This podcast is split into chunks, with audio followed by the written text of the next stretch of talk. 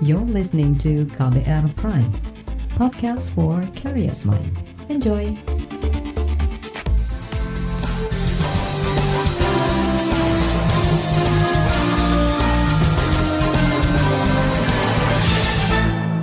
Halo selamat sore saudara, apa kabar Anda sore hari ini? Kembali saya Reski Mesanto hadir di KBR Sore hari ini 3 Oktober 2022.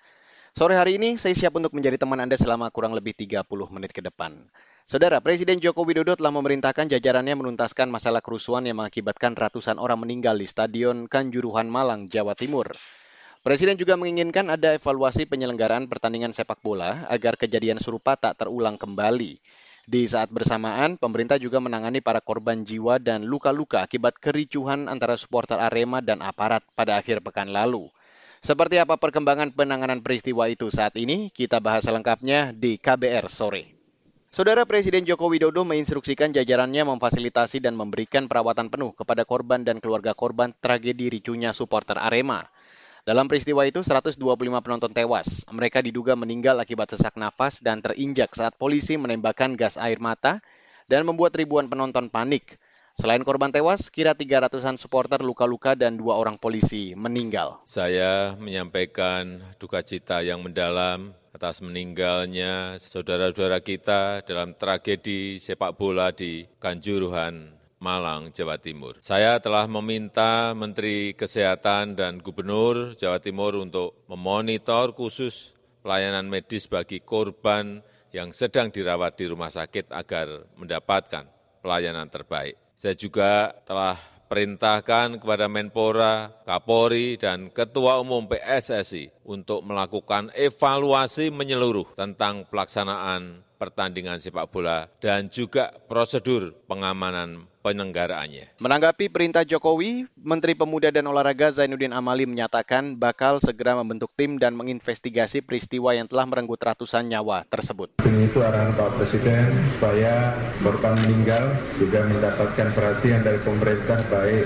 pemerintah kabupaten dan kota, pemerintah provinsi dan juga itu dari pemerintah di tingkat pusat. Samping itu juga pada PSSI diminta untuk mengevaluasi, evaluasi secara total terhadap sistem yang sedang ada sekarang yang digunakan sebagai cara kita untuk berkompetisi sehingga kita akan mendapatkan satu cara yang terbaik. Para pemain bisa bermain dengan tenang penonton bisa nyaman menonton.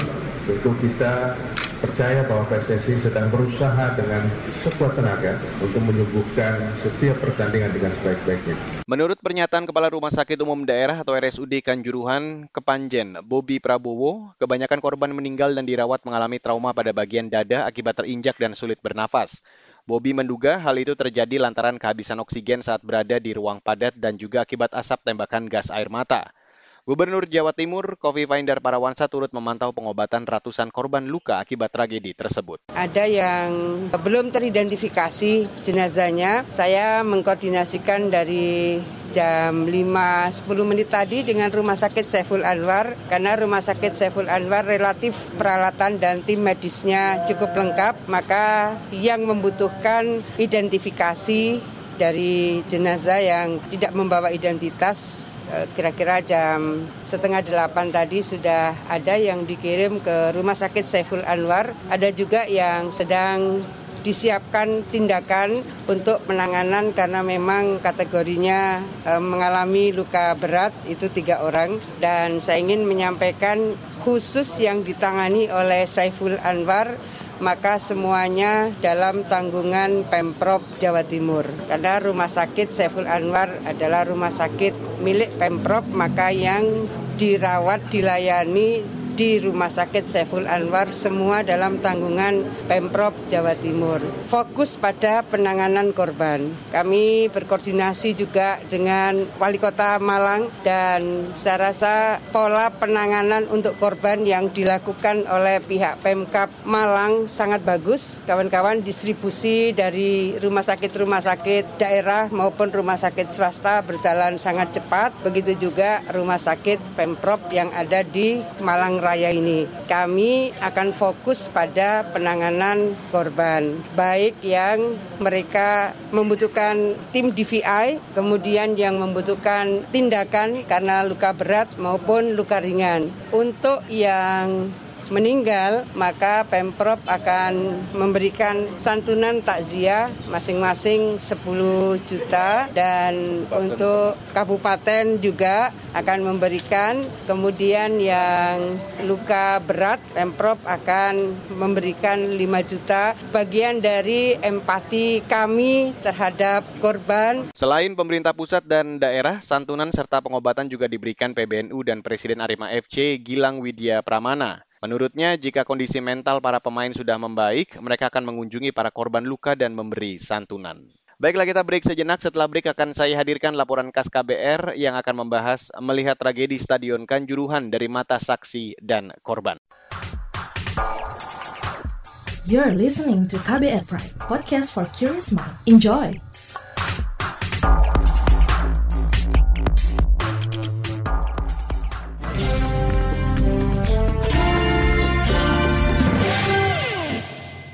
Saudara, lebih dari 120 orang tewas dalam kerusuhan usai pertandingan sepak bola antara Arema FC dan Persebaya Surabaya. Saksi mata menyebut banyak korban terinjak dan mengalami sesak nafas akibat berdesak-desakan saat berusaha menyelamatkan diri. Bagaimana cerita para saksi tersebut? Berikut saya hadirkan laporan khas KBR yang disusun Heru Heitami. Fian, salah satu dari puluhan ribu korban selamat dalam tragedi kerusuhan di Stadion Kanjuruhan Malang, Jawa Timur. Kerusuhan usai pertandingan antara Arema FC dan Persebaya itu menjadi noda paling hitam dalam sejarah persepak bolaan Indonesia. Pemuda asal Kecamatan Sumber Manjing Kulon, Kabupaten Malang itu menceritakan usahanya bersama ribuan penonton lain untuk menyelamatkan diri dari ke kepulan gas air mata yang memenuhi tribun Stadion Kanjuruhan. Pada tembakan itu banyak pak, sampai di Hanskor itu ketutup asap, tutup asap sampai Hanskor.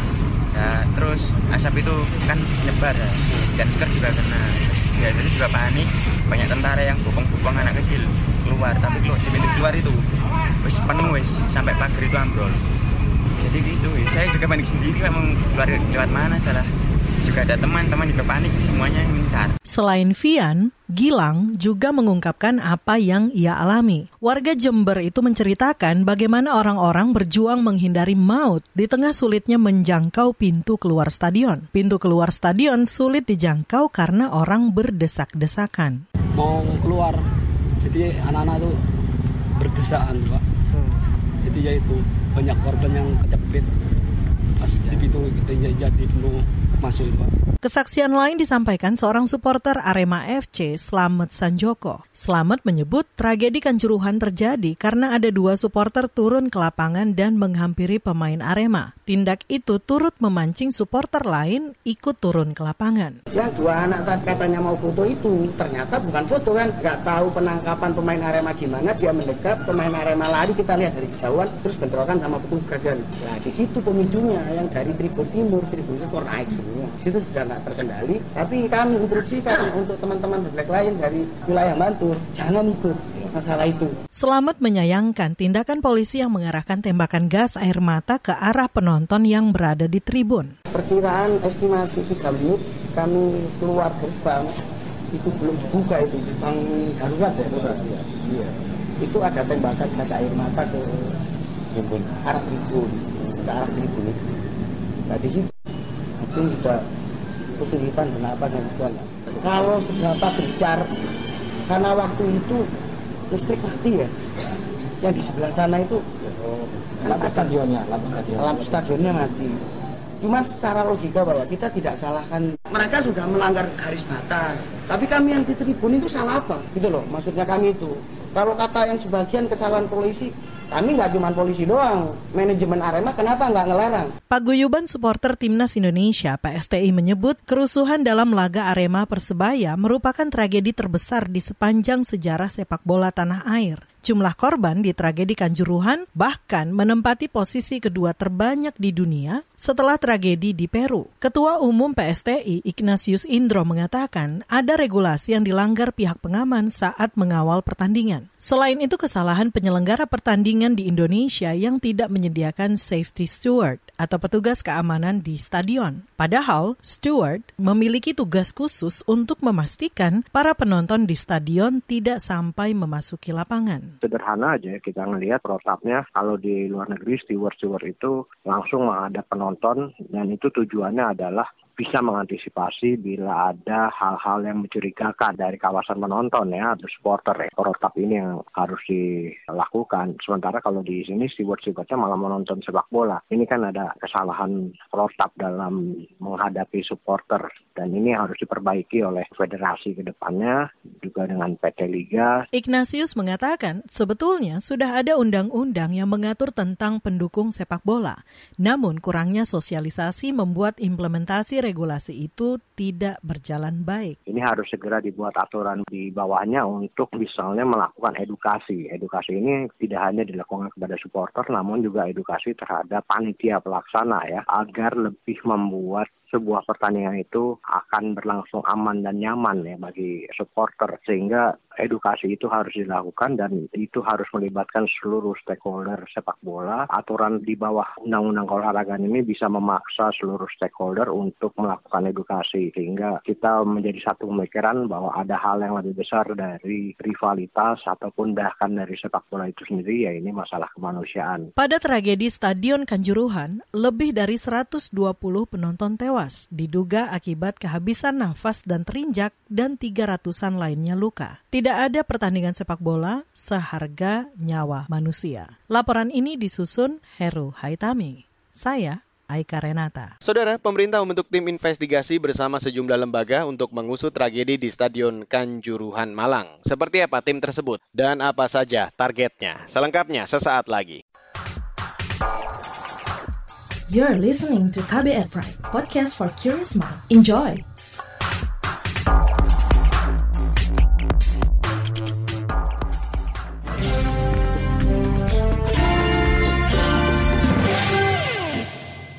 Saudara, pemerintah membentuk tim gabungan independen pencari fakta atau TGIPF untuk mengusut tragedi Kanjuruhan yang menewaskan 125 orang pada Sabtu lalu. Menteri Koordinator Bidang Politik, Hukum, dan Keamanan mengatakan TGIPF akan diisi oleh sejumlah unsur meliputi pejabat kementerian terkait hingga media massa.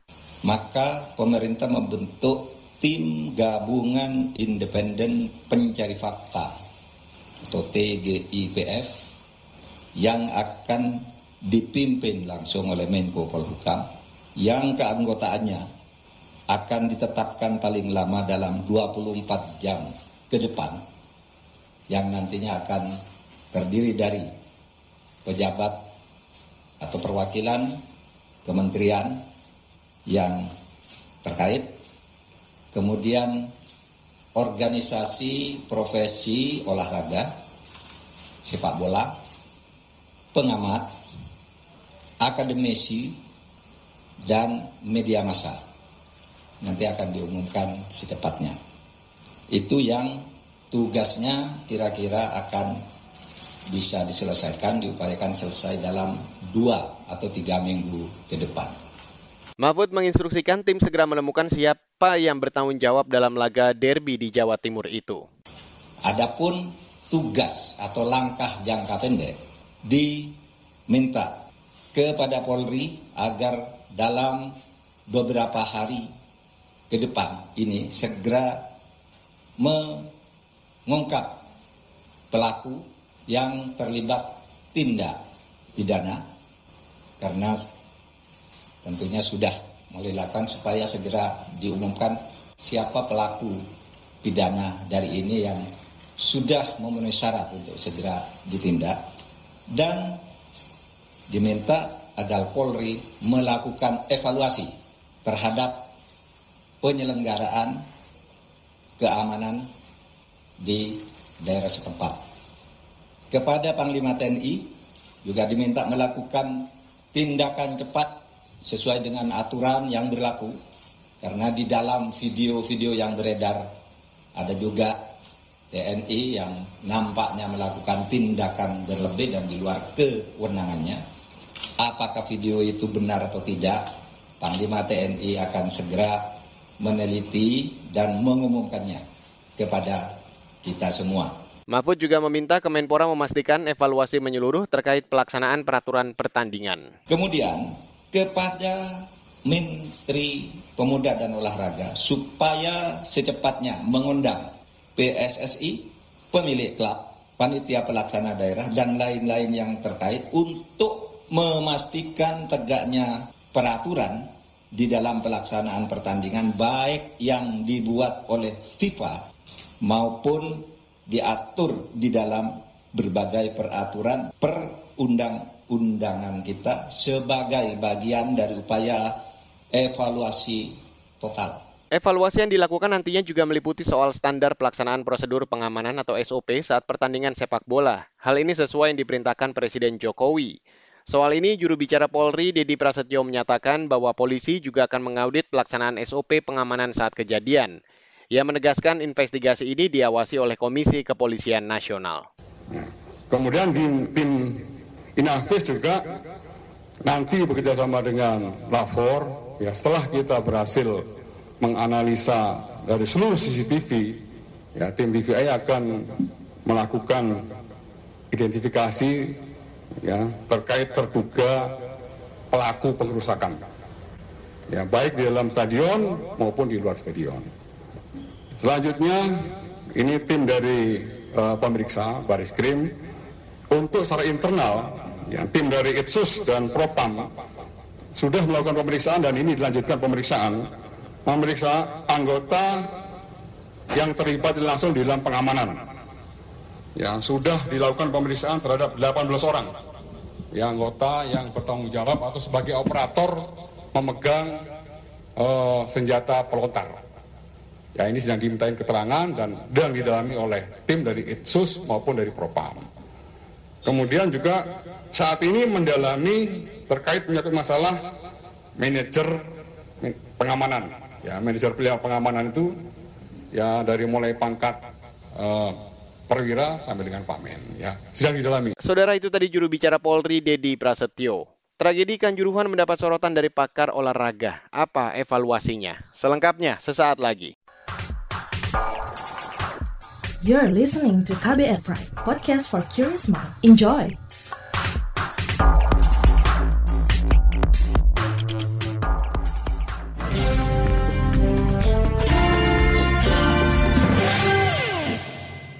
Saudara, kapasitas Stadion Kanjuruhan di Malang, Jawa Timur menjadi salah satu yang disorot saat terjadi kerusuhan supporter usai laga Rema FC melawan Persebaya Surabaya akhir pekan lalu sebab penyelenggara diduga menjual tiket melebihi kapasitas stadion. Lantas apa catatan dari pengamat sepak bola Tommy Welly soal peristiwa tersebut dan berbagai hal soal penyelenggaraan sepak bola?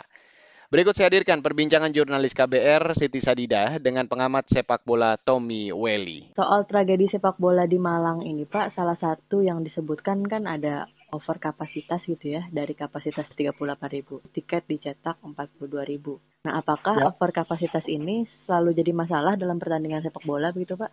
Sebetulnya regulasi FIFA terkait stadium kan di era sepak bola modern seperti sekarang ini harusnya single seat. Jadi stadium-stadium modern itu harus satu kursi satu penonton. Tetapi Kanjuruhan ini ada tribun tertentu yang tidak semuanya dengan kursi. Jadi 38 sebetulnya kapasitas yang saya pikir terlalu besar lah itu angka maksimum buat Kanjuruhan yang pertama. Dan yang kedua adalah soal status pertandingan yang harus diwaspadai. Begitu status pertandingan yang rawan seperti Arema Persebaya, meskipun supporter lawan nggak hadir, sebetulnya kapasitas maksimal itu nggak boleh diisi penuh demi faktor keamanan dan kenyamanan. Saya dengar juga ada permintaan itu dari pihak keamanan untuk tidak menggunakan seluruh kapasitas yang terjadi malah over kapasitas malah kan penjualan tiketnya mencapai 42 ribu. Jelas ini adalah sebuah hal yang menjadi problem. Kecerobohan, kelalaian yang artinya kan kalau dari satu sisi kan jual-jual tiket melebihi kapasitas kan berarti kan hanya ingin faktor ekonomi saja kan.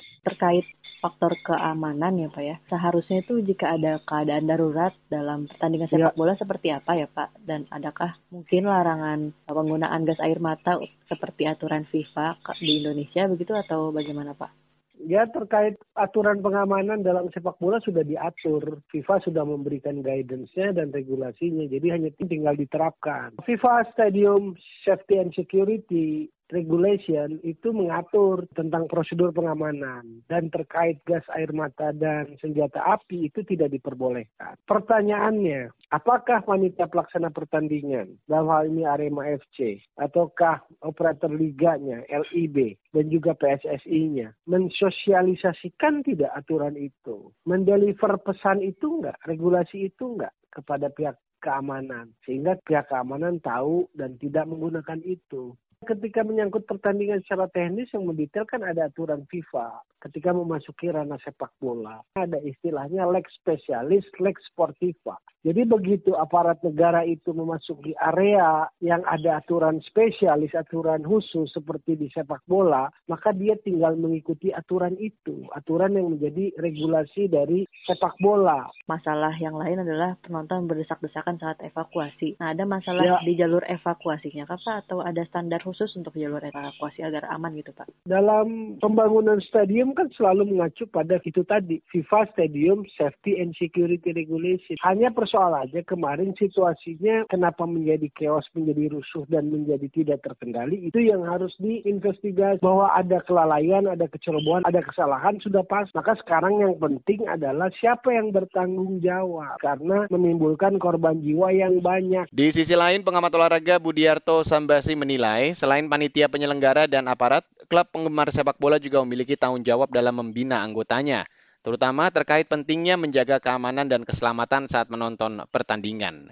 Berikut saya hadirkan perbincangan jurnalis KBR Siti Sadida dengan pengamat olahraga Budiarto Sambasi adakah memang masalah pada jalur evakuasi atau bagaimana standar yang aman untuk jalur evakuasi begitu Pak seharusnya? Susah untuk menjelaskan apakah proses evakuasi itu bisa berlangsung lancar atau tidak karena yang terjadi adalah rasa panik. Dan kalau sudah terjadi secara massal susah siapa pun yang mengontrol termasuk petugas keamanan. Mereka sendiri mempunyai rasa takut untuk mengatur penonton yang sudah apa istilahnya amok ya. Dan juga panik kasihan ya kena semprot gas air mata dan berinjak injak-injak. Jadi memang evakuasi yang dilakukan oleh aparat terhadap para pemain Persebaya saja sudah mengalami kesulitan yang cukup tinggi. Apalagi untuk mengevakuasi begitu banyak penonton, ribuan jumlahnya. Susah memang kalau di lapangan nggak semudah yang kita omongkan. Kalau kronologinya itu di awal ada penonton yang masuk ke lapangan ketika setelah usai gitu ya Pak ya pertandingannya. Nah sebenarnya siapa yang bertugas dan bagaimana sarannya untuk membangun mental baik dan suportif bagi supporter untuk menghindari sikap yang anarki begitu Pak? Kalau dengar ceritanya kan aneh, supporter masuk ke lapangan untuk meminta keterangan dari kubu Arema Malang ya, kenapa bisa kalah dan lain-lain lah. Dan yang paling penting lagi adalah supporter itu berada di bawah naungan klub. Jadi klub harus ikut bertanggung jawab atas ulah supporter. Makanya idealnya dan sudah dilakukan, klub itu harus memberikan santunan pada para korban yang tewas maupun keluarganya dan juga yang luka-luka. Lebih penting lagi, klub harus dikenakan dikenakan denda karena gagal menyelenggarakan pertandingan yang aman. Denda itu harus dibayar dalam jumlah yang cukup mencengangkan kadang-kadang. Saudara itu tadi wawancara jurnalis KBR Siti Sadida dengan pengamat olahraga Budiarto Sambasi. Dan wawancara tadi sekaligus menutup KBR sore untuk hari ini edisi 3 Oktober 2022. Terima kasih untuk Anda yang sudah bergabung sore hari ini. Selamat kembali menjalankan aktivitas Anda dan ingat selalu patuhi protokol kesehatan. Saya Reski Mesanto, undur diri, salam.